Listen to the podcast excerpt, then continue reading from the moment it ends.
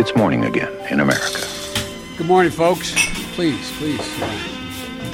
Come on, let's go. Let's go get some coffee. Thank you very much.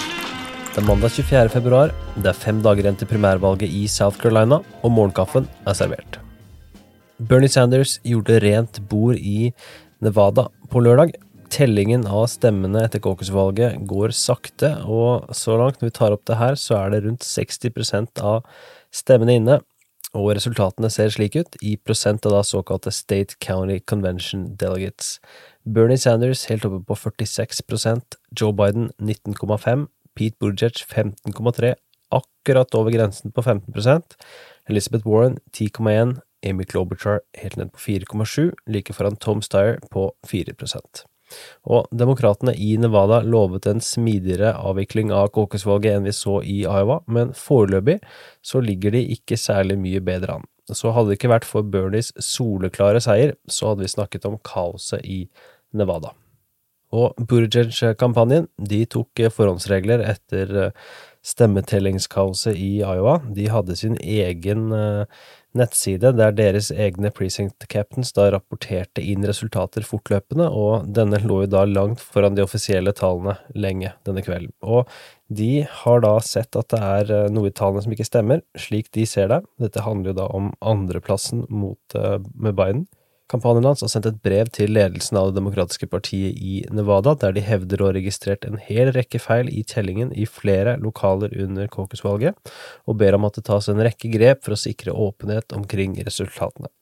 Kampanjen hevder at deres egne tall viser en syltynn margin mellom andre- og tredjeplassen i delstaten. Dette er jo da viktig for Buttigieg-kampanjen, ettersom de håper nå å bli alternativet til Bernie Sanders. For Bernie Sanders sin del så ser han framover. Han hadde tatt turen til Texas allerede på valgdagen i Nevada for å se fram til supertirsdag og valgene som kommer, og han nevnte ingen av sine demokratiske motstandere i talen, men fokuserte i stedet fullt og helt på Donald Trump, noe som understreker at Bernie Sanders er demokratenes frontrunner.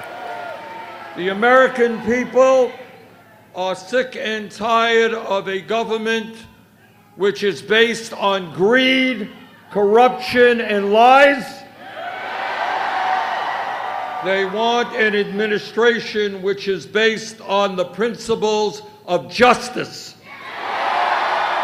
Det ser vi også i en rekke nye målinger som har kommet. Bernie leder nesten overalt. CBS og YouGov publiserte i går en ny nasjonal måling, og Bernie Sanders leder da feltet med 28% oppslutning foran Elizabeth Warren på 19, Joe Biden på 17, Bloomberg på 13, Buttigieg på 10, Klobuchar på 5, Steyer på 2 og Tulsi Gabbard på 1. I går kom det også en måling fra South Carolina, også denne fra CBS og YouGov, som viser store endringer i feltet. Joe Biden leder fortsatt og får her 28% men han har hatt en tilbakegang på hele 17 prosentpoeng siden forrige måling, tilbake i november. Bernie Sanders får 23, han har gått opp 8, Tom Steyer på 18, opp hele 16, Elizabeth Warren på 12, tilbake 5, Burrer på 10, opp 2, og Klobuchar på 4, opp 3.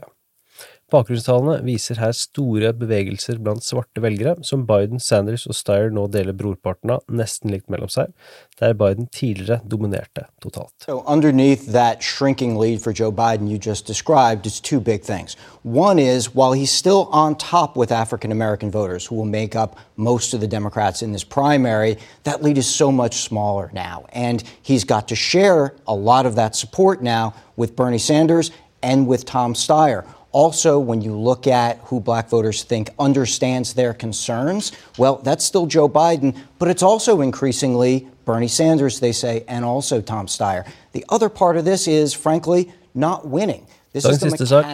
Tom. Steyer kommer tilbake på debattscenen. Natt til onsdag så avholdes den tiende TV-debatten i Demokratenes nominasjonskamp.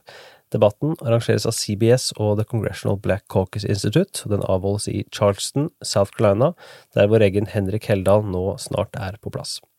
På scenen så får vi se den samme gruppa deputanter som sist, altså Bernie Sanders, Joe Biden, Elizabeth Warren, Michael Bloomberg, Pete Buttigieg og Amy Klobuchar, og i tillegg Tom Steyer, som var med i flere debatter i høst og vinter, men som da ikke oppfylte kravene for deltakelse i debatten i Nevada i forrige uke.